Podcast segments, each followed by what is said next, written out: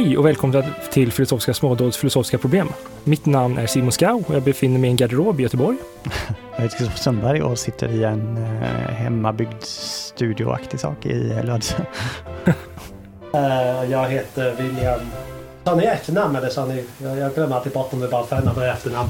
Eh, jag heter William Thomson då och jag sitter på en ny soffa. Den där gråa fin i Stockholm. Oh, nice. Um, ja, det är Kristoffers problem idag. Ja, okej, okay, så vi har ju de här eh, små extra avsnitten där vi pratar kort om någonting filosofiskt problem som vi håller på att fundera på. Och just nu håller jag på att fundera på en ett, ett filosofiskt problem som jag egentligen inte vet mycket om alls, men som jag ska försöka skriva någonting om. Eh, och det handlar om perception, det vill säga hur vi ser, hör och uppfattar världen genom våra sinnen. Det handlar också om moral, alltså tankar om vad som är rätt och fel och sådär. Och det finns tydligen en hel del då som påstår att det finns en sorts moralisk dimension till eh, vår perception, till vår varseblivning. Och jag tänkte fundera lite på vad, vad kan det egentligen betyda? Spontant så kommer jag på åtminstone tre sätt att prata om det där, eller tre saker det skulle kunna betyda. Å ena sidan så skulle man kunna prata om att det kanske faktiskt finns moraliska egenskaper ute i världen. Eller ute i någon abstrakt platonsk himmel. Men det kanske finns moraliska egenskaper. Alltså på något riktigt sätt. De finns verkligen på riktigt. Och då kan vi fråga, kan vi varsebli dem? Om man tänker, jag ser runt omkring mig så ser jag eh, en synt, en gitarr, en vägg. Och när jag säger att jag kan titta på min gitarr framför mig så tycks jag på något sätt säga att jag står i någon sorts relation till den här gitarren. Jag tittar på gitarren. Den har lite olika egenskaper. Den är vitaktig och den är gjord av trä, den har en viss form så här. Och det tycks som att om jag verkligen lyckas se den här gitarren så står jag i någon sorts relation till både gitarren och dess egenskaper.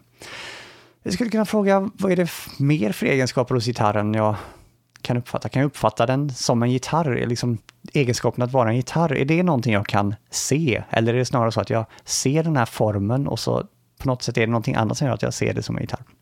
Vi kan tänka också på en situation där vi ser någonting. Jag kanske ser att någon blir misshandlad. Kan jag se att det där är något fel som begås? Alltså, kan det vara så att det finns en moralisk kvalitet eller egenskap där ute? Och jag kan stå i en sån här varseblivningsrelation till den här moraliska egenskapen. Det är att fråga om moral kan figurera på objektsidan i varseblivning. Alltså, kan det fungera som någonting som blir sett eller hört hört eller sådär. Ytterligare ett annat sätt att prata om det här är att fråga, att titta på själva varseblivningen, att titta på den subjektiva sidan och se hur erfarenheten ser ut. Om man tänker att varseblivning, eller perception, jag går fram och tillbaka med de här två orden, man skulle kunna se på det som att det är som en tavla kanske, eller fotografi. Och att min erfarenhet, säg att den är som en tavla, så den här tavlan föreställer någonting. Och ett sätt att se på det är att om världen där ute är så som tavlan ser ut att föreställa, ja, då lyckas jag se världen. Men oavsett om världen faktiskt är så som min erfarenhet säger att den är, eller inte, så kan vi liksom prata om vad som förekommer i min själva erfarenhet. Alltså, oavsett om jag har rätt eller inte, även om jag hallucinerar eller om jag faktiskt ser någonting, så kan vi prata om hur, vad förekommer i den här erfarenheten? Och ett sätt då att fråga är, förekommer i min varseblivningserfarenhet saker som rätt och fel eller ont och gott? Det är alltså ett sätt att prata om varselbildningens innehåll för att prata med ett ord som brukar förekomma. Så det här är två saker där man liksom pratar om varselbildningen som att den innehåller själva moraliska egenskaper, antingen som målet för varseblivningen eller som ett innehåll i själva den subjektiva karaktären. Det finns ytterligare en tredje dimension som jag kan tänka mig att man kan mena. Och det är snarare så här att snarare än att se att vi ser godhet eller att vår varseblivning innehåller godhet så kan man tänka sig att själva varseblivningen, själva perceptionen är ond eller god, rätt eller fel. Och vad, vad, kan man mena med det? Jo, säg att jag... Eh, säg att jag går och ska handla i den lokala affären och så sitter det en eh, tiggarkvinna utanför och ser ut att lida väldigt mycket. Hon ser hungrig och frusen ut. Jag lägger märke till detta och liksom känner för henne. Jag, jag känner att för dåligt samvete eller jag känner sympati eller jag känner någonting. Jämför dem med min psykopatiska fiktiva tvilling som ser exakt samma scen som jag gör. Om vi skulle måla av vad vi ser så skulle bägge två måla samma sak. Men min psykopattvilling ser inte att den här personen lider, känner inte för den här människan. Kanske man skulle man då kunna säga att själva varseblivningsakten i mitt fall är någonting gott, medan psykopatens varseblivning, som inte lägger märke till den här eh, kvinnans lidande, att det är på något sätt en moraliskt mindre god varseblivningsakt, om det går att förstå. Så att vad jag på ett väldigt flummigt sätt här nu har försökt säga är att det finns åtminstone tre ställen där liksom, moraliska egenskaper kan komma in. Å ena sidan som objekt, alltså som grejer man ser. Å andra sidan mer att moraliska egenskaper aktivt figurerar i min erfarenhet, att jag uppfattar någonting som gott, alltså att det är subjektivt så känns det som att ah, det där är någonting bra eller det är någonting hemskt. Och i tredje fall är själva akten i sig, att vissa saker borde vi lägga märke till. Alltså om vi, om vi har en god moralisk karaktär så borde vi lägga märke till att folk lider eller att eh, folk behöver hjälp och sådär. Medan om vi till exempel inte, vi bara går förbi någon som har tappat eh, massa saker på gatan, vi bara går förbi, märker inte ens att de egentligen skulle behöva hjälp upp eller något sånt där. Att det är någonting moraliskt förkastligt eller eh, någonting vi kan bli eh, anklagade för att eh, göra någonting dåligt. Eh, får jag komma in med en grej här bara? Mm. Eh, en sak som kan vara relevant här för att särskilja vart det här är viktigt är för att Alltså när man pratar om de klassiska moralteorierna för vad som är moraliskt rätt och fel. Vi har till exempel pratat om, om Tännsjö tidigare och han är utilitarist och då är det liksom helt enkelt om konsekvenserna blir bättre eller sämre av det som sker. Eh, så att det har inget, hans, i en sån teori så skulle man, vad jag, vad jag förstår, egentligen inte ha en perception utan eh, man skulle inte kunna se om något är moraliskt rätt eller fel, utan det är någonting som antingen är rätt eller fel baserat på hur konsekvenserna, hur, eh, hur det faller ut i slutändan. Sen kan man vara pliktetiker, eh, där man, där rätt och fel handlande, till exempel när någon blir misshandlad, om man ser eh, att de blir misshandlad, så är det rätt eller fel, inte för att vi ser att det är rätt eller fel, just, utan enbart för att de, eh, det strider mot några moraliska plikter, normer, nej, plikter. Eh, vi har inte pratat om det än, vi, kanske, vi lär ha ett avsnitt om det. Det här ligger vid sidan av den diskussionen, vad jag förstår. Ja, uh, kanske. Mm. Um, men, om, förlåt, är, är, alltså för, för jag tänker, och det är också för att jag googlade snabbt på moralperceptionen vi började, att det här tillhör mer den dygdetik. Mm. Precis, det är ofta där det förekommer då. Så att folk som är, är det någon som vill berätta om dygdetik? Eller ska jag säga kort?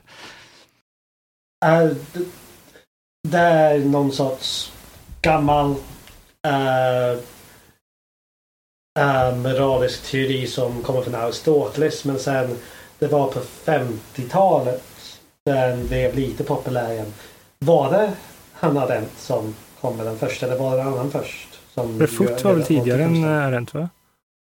Jag kan absolut ingenting om Hanna Arendt så uh, ingen aning vart det kommer in. Ah, Men okay. Moderna förespråkare ju, ja, som Philippa Foot tror jag och mm, John McDowell, eh, Nussbaum. Mm. Ah, okay. Ja. Det blir Men de, ja, det började komma från 40-50-talet ungefär. Jag tror det är ganska populärt alltså, idag faktiskt. Eh. Ja men det började komma, i, det, åter, återkomsten kom runt 40-50-talet. Mm. Eller hur? Själva... Ah, okay, det var mest att jag ville kolla och sen ska jag prata om innehållet. Mm. Uh, så, så vad det handlar om är istället för att saker är någon slags absolut rätt eller fel.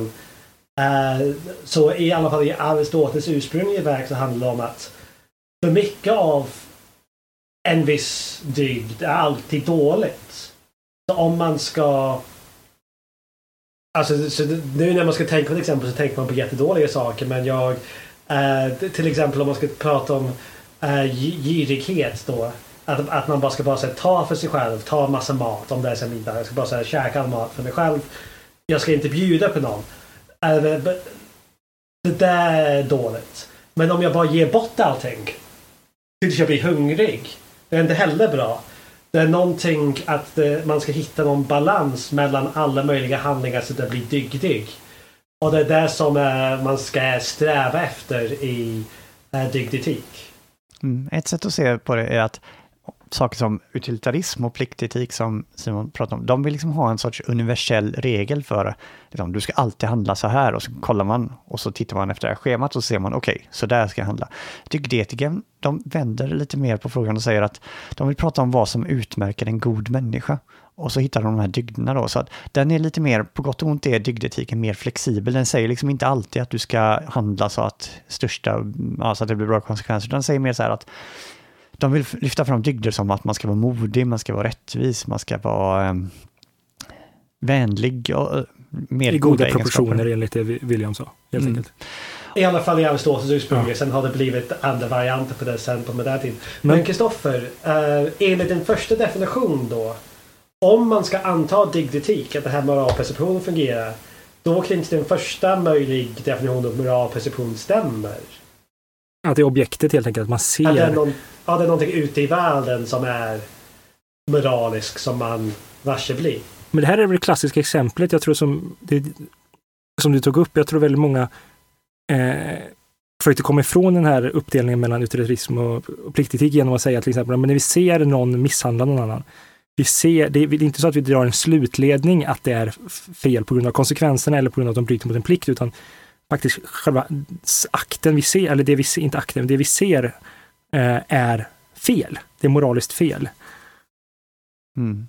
Precis, och att eh, ett sätt som jag tycker är lite komiskt då, men ändå lite bra, är att om man tänker på en vän som ligger döende på sjukhuset och så kommer jag och besöker den här vännen och så säger vännen så här, ja, tack för att du kom, det betyder verkligen jättemycket. Och så är jag så här jättehård utilitarist, jag säger, nej, alltså egentligen vill jag inte komma hit, men jag gjorde en så här kalkyl och jag kom fram till att, eh, nej, du, jag gör mest nytta genom att sitta här hos dig. Uh, och så, säga det här. ja, och sen det andra varianten är att jag är pliktetiker och säger så här, nej, alltså jag vill ju egentligen inte komma. Jag känner inte alls för detta, men eh, jag gjorde så här förnuftig kalkyl och insåg att det är min plikt att vara här just nu. Hur kul är det? Medan dygdetikern då säger att nej, men den goda människan, det är någon som kommer dit för att den vill vara där. Den liksom vill stötta ja, sin vän. Liksom.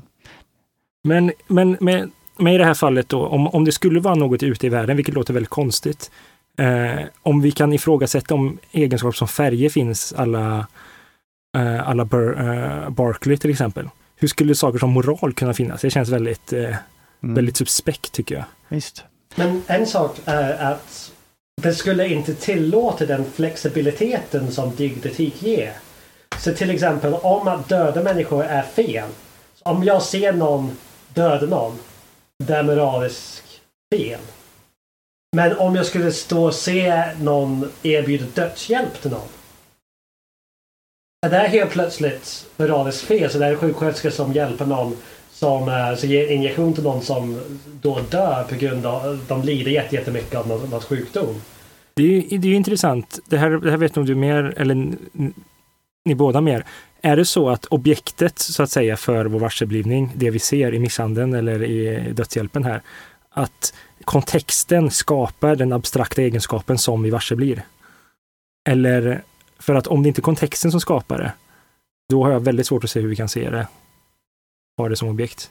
Mm. Ja, jag tycker det här är svårt, men ett sätt kanske att göra det lite mindre suspekt, lite mindre mystiskt är att tänka någonting, man pratar ibland om superveniens, ett sådär jättesvårt ord, men tanken är väl något sådär, vad, vad är en god jordgubbe? Jo, en jordgubbe som är söt, saftig och röd eller vad det nu är man brukar säga. Den är god. Så att den är god, det, liksom, har den de där tre egenskaperna så är den god. Eh, det betyder inte att en godhet finns utanför de här tre egenskaperna, söt, saftig och eh, vad det nu var söt, saftig mm. och välsmakande. Jag kommer inte ihåg. Så att det är liksom, när visst antal av andra egenskaper är på plats, då är också den här högre egenskapen, den här moraliska egenskapen på plats. Och då kanske man skulle kunna tänka sig att en moralisk egenskap som man kan bli, den är på lika på samma sätt är det då att när rätt egenskaper är på plats där ute i världen, då finns den här egenskapen där att se genom att okay, man ser. Men, ja. Mm. men, så, men de här, till exempel om man ska Ehm, bedömer den här goda jordgubben då upplever man, alltså med smaken, alla de här egenskaperna för att sen kunna ge den um, uh, att bedöma den supervarianta egenskapen hos jordgubben.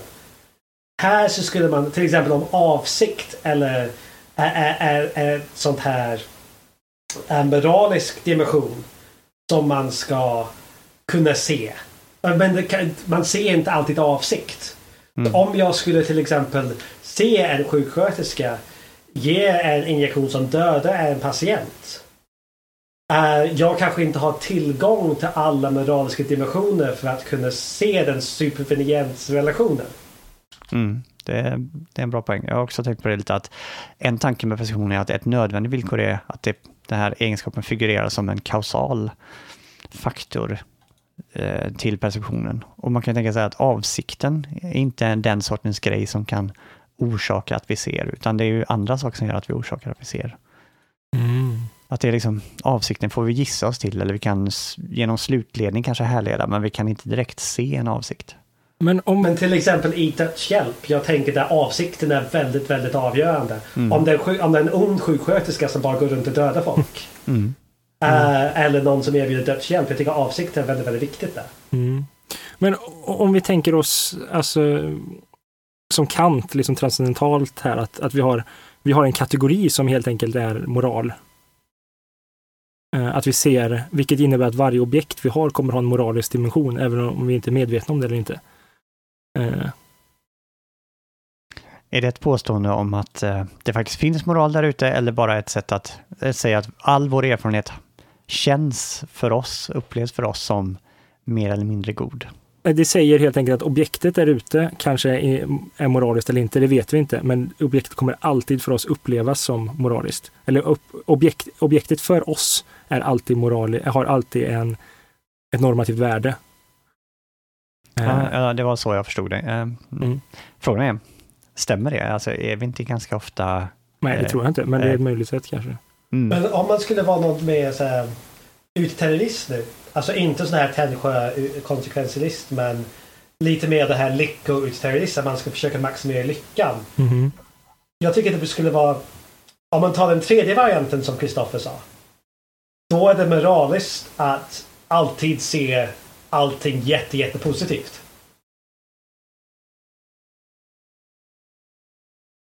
Den moraliska perceptionen skulle vara så här, att se allting så underbart. Så när man skulle se en tiggare utanför sin matbutik.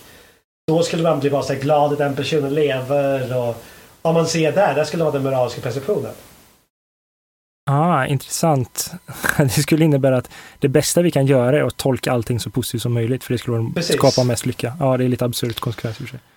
Vi kan ta ett känt, det här exemplet som tydligen är väldigt berömt från någon viss Lawrence Blum.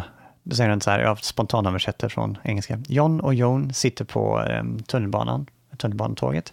Det finns inga tomma säten eh, och vissa folk står upp. En av passagerarna eh, är en kvinna i 50-årsåldern som håller två fulla eh, kassar. Både John och Joan ser att hon helt uppenbart är ehm, väldigt obekväm, att hon så att säga, lider eller det är jobbigt för henne att stå där. Ingenting annat slår John eh, Eh, ja, John ser ingenting annat hos kvinnan, medan Joan eh, ser att hon borde eh, erbjuda kvinnan hennes sittplats. Okej, okay, så då menar de då att, att Jones varseblivning är mer moralisk. den är en moralisk varseblivning än medan Johns inte är det. Vad säger ni om det exemplet? Mm. Des, alltså, det, neurovetenskapen i mig um, neurovetenskapen i mig. Det, det var Neurovetaren. neurovetaren i mig skriker vad fan är en varseblivning här? Uh, för det verkar vara en tolkning av varseblivningen som en så här, ett mer komplex process. Som blir mer åt det bedömning, bedömningssättet. Uh, och om man inte vill säga det en, en um, intuition eller att man, är, att, det inte, att man inte resonerar om det. Det är en automatisk process. Jag skulle kanske säga att vi har moraliska heuristiker. Det där blir någon slags tumregler. Att vår perception har då, alltså när, när informationen gått igenom vår perception och tolkas. Vi tolkar vår perception med olika uh, tumregler. Och det, blir, och, och det, här, det finns ett jättebra experiment där jag kanske har pratat om det här förut. Men att man skulle säga, säga vilka städer är störst. E- och uh, då om man ser två städer och man känner igen en av, en av städerna, då väljer man den staden. Och det är en heuristik i ens beslutsfattarprocess. Om jag ska säga vilken stad är störst, jag väljer den som jag känner igen.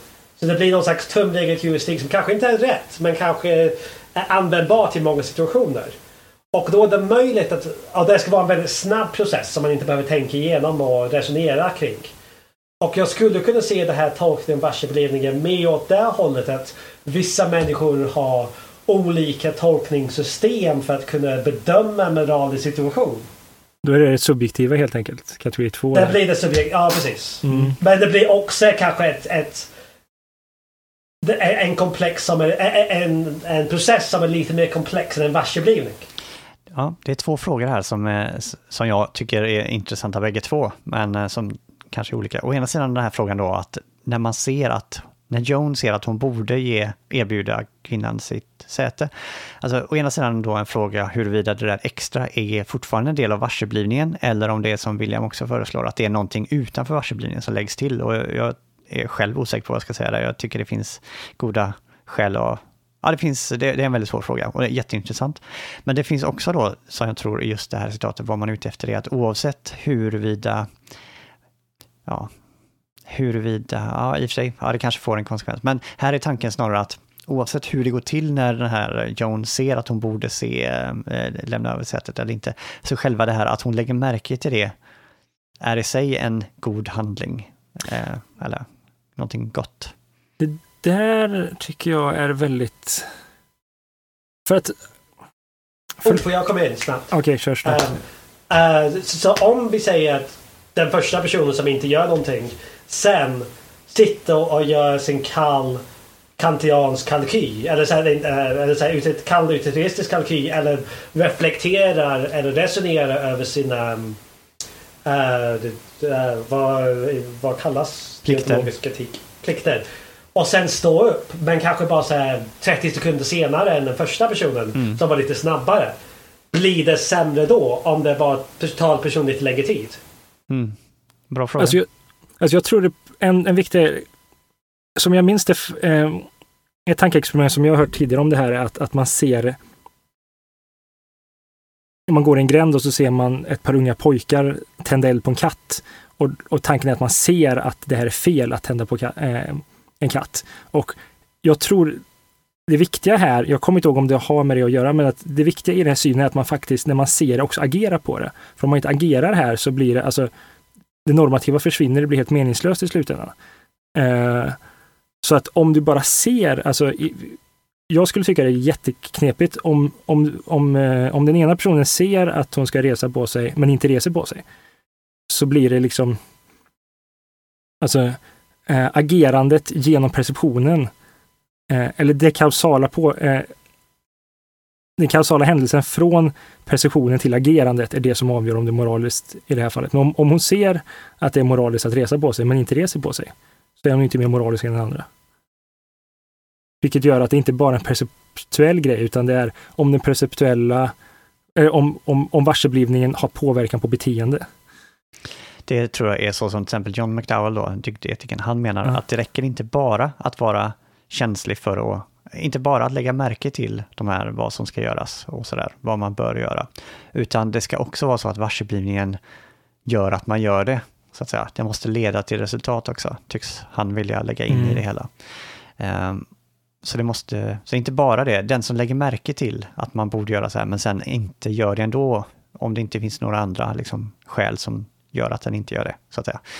Eh, den är inte dygdig, utan eh, perception måste också vara kopplad till faktiska handlingar på något sätt, tänker sig mm. McDowell, om jag förstått honom rätt. Ett annat problem då, alltså om jag har omoralisk perception, men moraliskt beteende. Mm. Så om jag ser den personen och jag typ, fan jag vill inte stå upp. Mm. Men jag står upp ändå. Det var... För att jag, jag, vet, jag vet att det är rätt, så jag gör det ändå. Mm.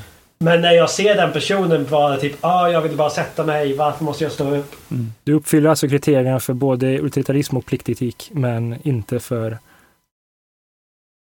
den här versionen. Men, det är lite samma exempel igen som du sa med kantianen där. Den gör det av en annan anledning än den där ja. som gör det på basis av varseblivning direkt. Det är ett, Mm. eh, Ja, men Ja. skulle det inte också vara möjligt i dygdetik att man ändå uppfyller kraven för att vara dygdig?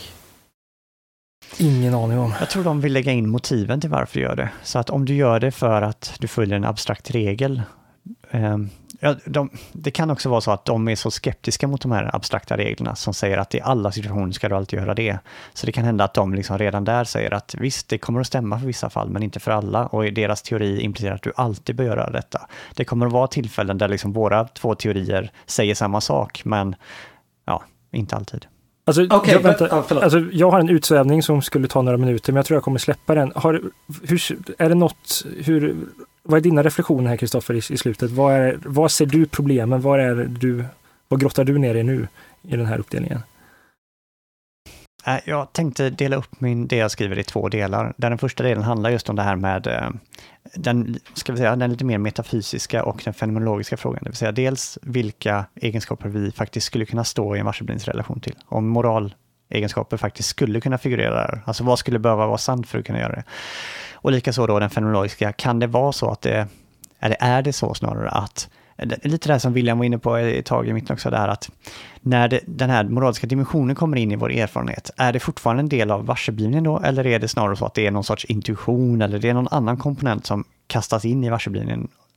Så det är den ena. Den andra är mer den här dygdetiska grejen i slutet där. Eh, oj. Och, och det är egentligen, eh, ja, ehm, eh, ja, ja, jag får se vad jag säger där. Ehm, Nej, för ett fall då som jag eh, kommer att, eh, som jag måste ta tag i är nämligen, eh, Miranda Fricker har i en bok från 2007 argumenterat att det finns en särskild sorts orättvisa vi kan begå mot varandra. Hon kallar det eh, testimony, vad blir det på svenska? Testimonial. Eh, Utsag, ehm, ja, utsaga, va? Påstående. påstående, ja, en sorts kunskapsmässig eh, orättvisa vi begår mot varandra. Det vill säga, ibland när vi sitter i ett seminarierum så kan det vara så att vi har stereotyper mot folk av kanske annan etnicitet eller annat kön som gör att vi tar dem på mindre allvar. Vi liksom lägger inte samma vikt vid vad de säger. Och hon menar då att det här, när vi, det här bedömningen är inte någonting som följer en explicit liksom, eh, resonemang, utan vi, det här är något som sker mer eller mindre omedvetet. Vi bara hör folk som min, mer eller mindre pålitliga eller eh, viktiga. Och det här är en sorts specifik orättvisa då som vi måste bekämpa. Jag tycker det är väldigt spännande det här som William tog upp med det här kantianska där, att ja, om några personer följer, inte har det här varseblivningsgrejen, men ändå tack vare, låt säga, en, en annan moralteori lyckas bete sig lika bra i en viss situation. Det är svårt att säga liksom varför det ena skulle vara sämre än det andra om det får samma konsekvenser. Eller ja, det är ett sätt att se på det. Men ett annat problem, alltså, som jag ville bara ta upp bara för att det behöver inte vara den kantianska tycker jag. Nej. Eh, Det skulle kunna vara två varseblivningar tillsammans. Alltså två egenskaper i varseblivningen. Som är oj jag vill inte stå upp som slår mig först. Tills oj jag ser den personen lider eller den personen behöver vara mer bekväm än jag. Så jag står upp. Så det kan vara två parallella varse- egenskaper i varseblivningen som tävlar mot varandra. Mm. Som leder till sen konsekvensen av, så man har en omoralisk och en moralisk varseblivning samtidigt. Som leder till samma konsekvens. Är det bättre än en person som bara har det moraliska? Och gör samma handling? Mm. Ja, bra fråga. På tal om det, vet du, jag skulle ta med min dotter till jobbet här i fredags. Och så hoppade vi på spårvagnen på morgonen och var helt, helt smockfull och vi fick inte plats. Och eh, jag kunde inte lyfta henne så jag fick hålla henne i handen men hon höll på att ramla runt eh, för när spårvagnen åkte. Och det, det satt fullt med vuxna unga människor där. Den enda som reser sig upp är en eh, dam, gissar 70-årsåldern och erbjuder platsen. Och, eh, sa, eh, och jag satte Saga där. Och eh, då håller den här damen på att ramla omkull istället och får Mm. ta ett- liksom, någon annan, liksom ramla på någon istället. Alltså inte, hon ramlar inte på marken utan ram, ramlar in i någon som får liksom puffa upp henne. Liksom. Och det här var, jag tänkte exemplet var väldigt intressant här. Var, ja, eh, Det krävs tid när man är diktig. Ja, precis. Du behöver vara 70 år för. Men en annan grej som jag tänkte här. Så, jag minns att jag hade en diskussion med en, eh, en professor i moral filosofi här i Göteborg för en fem, fyra, fem år sedan. Vilket är det, det där han snackade om alltså perception och avstånd, hur viktigt det är. Eh, jag tror han kan bli falsifierad på ett sätt, men han menar till exempel om vi ser lidande, ansåg han då, ehm, i, i närheten av oss, eh, så ser vi att det är fel och vi agerar på det. Men vi ser också lidande på tv, att det är svält i Somalia till exempel. Men vi gör liksom ingenting åt det. Men vi ser att de är lika fel, men på grund av att det är sånt avstånd mellan det så eh, gör vi inget åt det. Eh, men eh, det och, och han vill då förklara, eller han menar att, att ett problem inom debatten är hur man ska förklara att det, hur det här avståndet faktiskt påverkar vårt handlande när vi ser att det är lika fel. Eh, mm. Det känns som det har eh, halvt falsifierat nu med alla, alla tiggare eh, på gatorna. För vi, det är eh, med fattiga människor och svältande människor runt omkring oss. Vi gör ändå ingenting. Eh, men, men i alla fall, det är en intressant grej. Mm. Ja, det var mycket intressanta tankar och jag, jag, känner att jag skulle gärna prata längre, men jag kanske måste ge mig. Ja, eh, och tacka för eh, Ankan har kvackat. Ja, ha det gott. Hej. Hej. Hej.